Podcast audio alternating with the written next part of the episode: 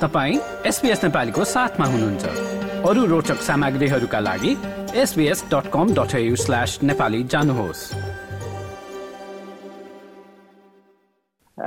माथिल्लो सदन भनिने यहाँ राष्ट्रिय सभा भनिन्छ। राष्ट्रिय सभाका बिस पदका लागि उन्नाइस पदका लागि निर्वाचन अहिले नौ बजेपछि नेपालको समयअनुसार नौ बजे पछाडि सुरु हुँदैछ। नेपाल दुई सदनात्मक सङ्घीय व्यवस्थामा छ। त्यसको तल्लो सदन प्रतिनिधि सभा भने माथिल्लो सदन राष्ट्रिय सभा हो। त्यसको निर्वाचन हुन्छ। नेपालको अपडेट मैले आज हुन गइरहेको निर्वाचनकोबाट सुरु गरेँ भने। यो हप्ता केही साना र केही महत्त्वपूर्ण घटनाहरू भए नेपालमा। त्यसमा अर्को उल्लेख गर्न लायक भनेको हाम्रा प्रधानमन्त्री असंलग्न राष्ट्रहरूको सम्मेलन बाट युगाण्डाबाट फर्केर आउनुभएको छ। नेपालले यो असंलग्न राष्ट्रहरूको सम्मेलन जुन इन्डोनेसियाका तत्कालीन राष्ट्रपतिले सुरु गर्नुभएदेखि अहिलेसम्म निरन्तर त्यसमा सहभागी पनि छ र यसको सदस्य राष्ट्र पनि हो। नेपालको असंलग्न परराष्ट्र नीतिलाई अहिलेसम्म अङ्गीकार गरिरहेको छ र त्यसै अनुरूप ठुला देशहरूले साना देशहरूलाई गर्ने थिचोमिचो विरुद्ध उत्रनु पर्छ भन्ने अभिप्राय त्यो भाषामा त्यसै गरी लेखिएको त छैन तर त्यो अभिप्रायका साथ चाहिँ असंलग्न परराष्ट्र राष्ट्रहरूको चाहिँ सम्मेलन सकिएको छ। त्यसमा मुख्य गरी अहिले इजरायलमा देखिएको तनाव र युक्रेन रसामा देखिएको तनावका विषयमा पनि बहुआयामिक छलफल भएको छ भने नेपालका प्रधानमन्त्रीले त्यो फोरममा पनि जलवायु परिवर्तनले नेपाल लगायत हि हिमाल भएका अर्थात् पर्वतीय मुलुकहरूमा पर्न गएको असरका बारेमा विश्व समुदायको ध्यान आकर्षण गराउनु भएको छ र केही साइडलाइन वार्ताहरूमा पनि नेपाल का हितका विषयमा चर्चा गर्नुभएको कुराहरू बाहिर आएको छ। अर्को सँगसँगै हामीका एउटा लामो समयदेखि पेचिलो विषय बनिरहेको यो सङ्क्रमणकालीन न्याय सम्बन्धीको संरचना थियो त्यो कानुन संशोधनको विषयमा गएर अड्किएको थियो। त्यो संशोधनलाई चाहिँ यसै अधिवेशनबाट अगाडि बढाउँछु भन्नुभएको थियो उहाँ फर्किने क्रममा भने। यो सङ्घीय संसदको हिउँदे अधिवेशन पनि आगामी बाइस गते माघ बाइस गते बोलाइएको छ। सम्भवतः त्यो अधिवेशनमा यो संशोधन मस्यौदा अगाडि जान सक्ने सम्भावना छ। यो पनि एउटा महत्त्वपूर्ण घटनाक्रम हो भने अर्को यो सँगसँगै यी कुराहरू संसदको बैठक निर्वाचन र यी सबैलाई एकै ठाउँमा हेर्दाखेरि निर्वाचन पछाडि नेपालको राजनीतिमा एउटा परिवर्तन आउन सक्ने सम्भावना देखिन्छ किनभने यो निर्वाचन सँगसँगै राष्ट्रिय सभाको अध्यक्षको पद पनि सकिँदैछ उहाँको पदावधि पनि सकिँदैछ भनिसकेपछि नयाँ व्यक्ति आउनुहुनेछ। र राष्ट्रिय सभाको अध्यक्ष संवैधानिक परिषदको सदस्य हुने भएका कारणले गर्दाखेरि त्यो संवैधानिक नियुक्तिहरू र संवैधानिक व्यवस्था विषयमा चाहिँ त्यसको त्यो फेरबदल शक्ति सन्तुलन चाहिँ तलमाथि हुने हुँदा त्यसको असर हाम्रो राजनीतिमा पर्ने देखिन्छ। र सँगसँगै नेपालभरि नै चिसो बढेको छ। यो विगत लामो समयदेखि यतालाई तुलना गर्ने हो भने धेरै नै चिसो बढेको छ। काठमाडौँमै आज कुरा गर्ने हो भनेदेखि झन् झन् चार डिग्री सेन्टिग्रेड तापक्रम छ भने चाहिँ धेरै चिसो छ। र देशभरि नै चिसो बढेको छ।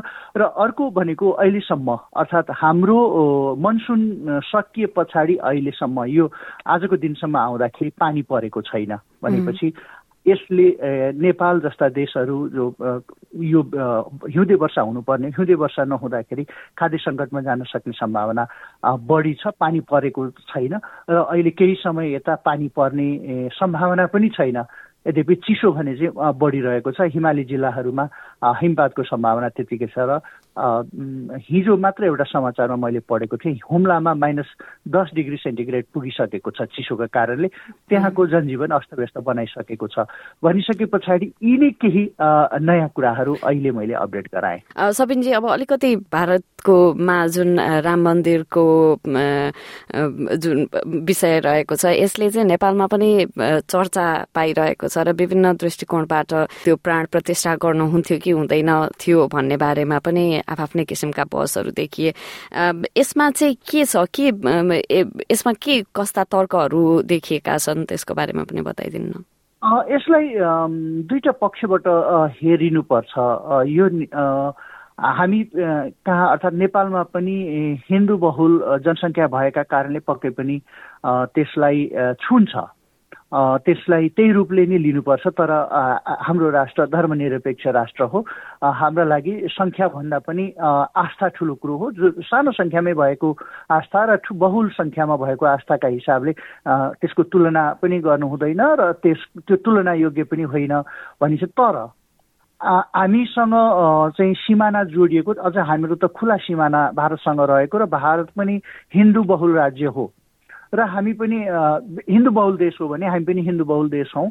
र रामसँगकै प्रसङ्गमा चाहिँ सीताको जन्मभूमि नेपाल र रामको जन्मभूमि भारत अहिलेको भारत परेको हुँदाखेरि यसको त सिधा सिधा सम्बन्ध छ।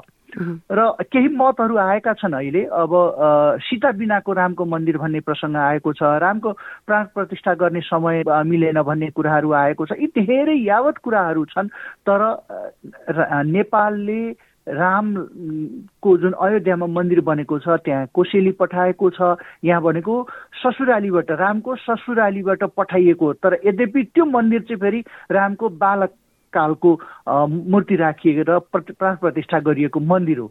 तर वयस्क भएपछि बिहा विवाह भएको प्रसङ्ग जोडिन्छ। तर त्यो जोडिएका कारणले गर्दाखेरि यहाँबाट जनकपुर धामबाट चाहिँ त्यहाँ कोसेलीहरू पठाइएको छ। सँगसँगै त्यहाँको गर्भगृहमा राख्नको लागि नेपालबाटै दुईटा शिला कालीगण्डकीको किनारबाट दुईटा शिला लगिएको छ भनेपछि यसलाई हाम्रो सुमधुर र सौहार्दको सम्बन्धबाट अलिक बढी व्याख्या गऱ्यौँ भनेदेखि दुवै पक्षलाई चाहिँ राम्रो हुन्छ। बिहिबारकै समाचारको कुरा गर्नु पर्दाखेरि चाहिँ अख्तियारले केही उच्च पदस्थ अधिकारीहरू टेलिकम नेपाल टेलिकमका तत्कालीन प्रबन्ध निर्देशक त्यसै गरेर सुरक्षण मुद्रण केन्द्रका तत्कालीन कार्यकारी निर्देशकलाई पक्राउ गरेको विषय आएको छ। यसको बारेमा केही अपडेट विकल पौडेल र सुनिल पौडेलको प्रसङ्गमा तपाईँले कुरा गर्नुभयो। सुनिल पौडेल तत्कालीन टेलिकमका प्रमुख हुनुहुन्थ्यो भने विकल्प मुद्रण विभागको प्रमुख हुनुहुन्थ्यो। उहाँहरूसँग दुई तिनवटा सङ्गीन आरोपहरू अख्तियारले लगाएको छ। हिजो त उहाँहरूको घर नै खानतलासी गरेर अख्तियारले प्रमाणहरू जुटाएको छ र पक्राउ पनि गरिसकेको अवस्था छ। त्यो पहिलो त बाल रहेकै अवस्थामा उहाँहरूले विदेशी मुद्रामा विदेशी ब्याङ्कमा खाता खोलेकोदेखि लिएर आफू रहेकै संस्थामा तत्कालीन अवस्थामा भ्रष्टाचार गरेको भन्ने आरोपहरू लगाएको छ अख्तियारले। र त्यसै विषयमा यो विषय पटक पटक पहिला पनि समाचारहरूमा आएको तर अख्तियारले अनुसन्धानमै छौँ भनेर जवाफ दिइरहेको अवस्था थियो भने अहिले चाहिँ कारवाही प्रक्रिया नै अगाडि बढाएको अनुसन्धान तहकिकातको प्रक्रिया नै अगाडि बढाएको अवस्था हो।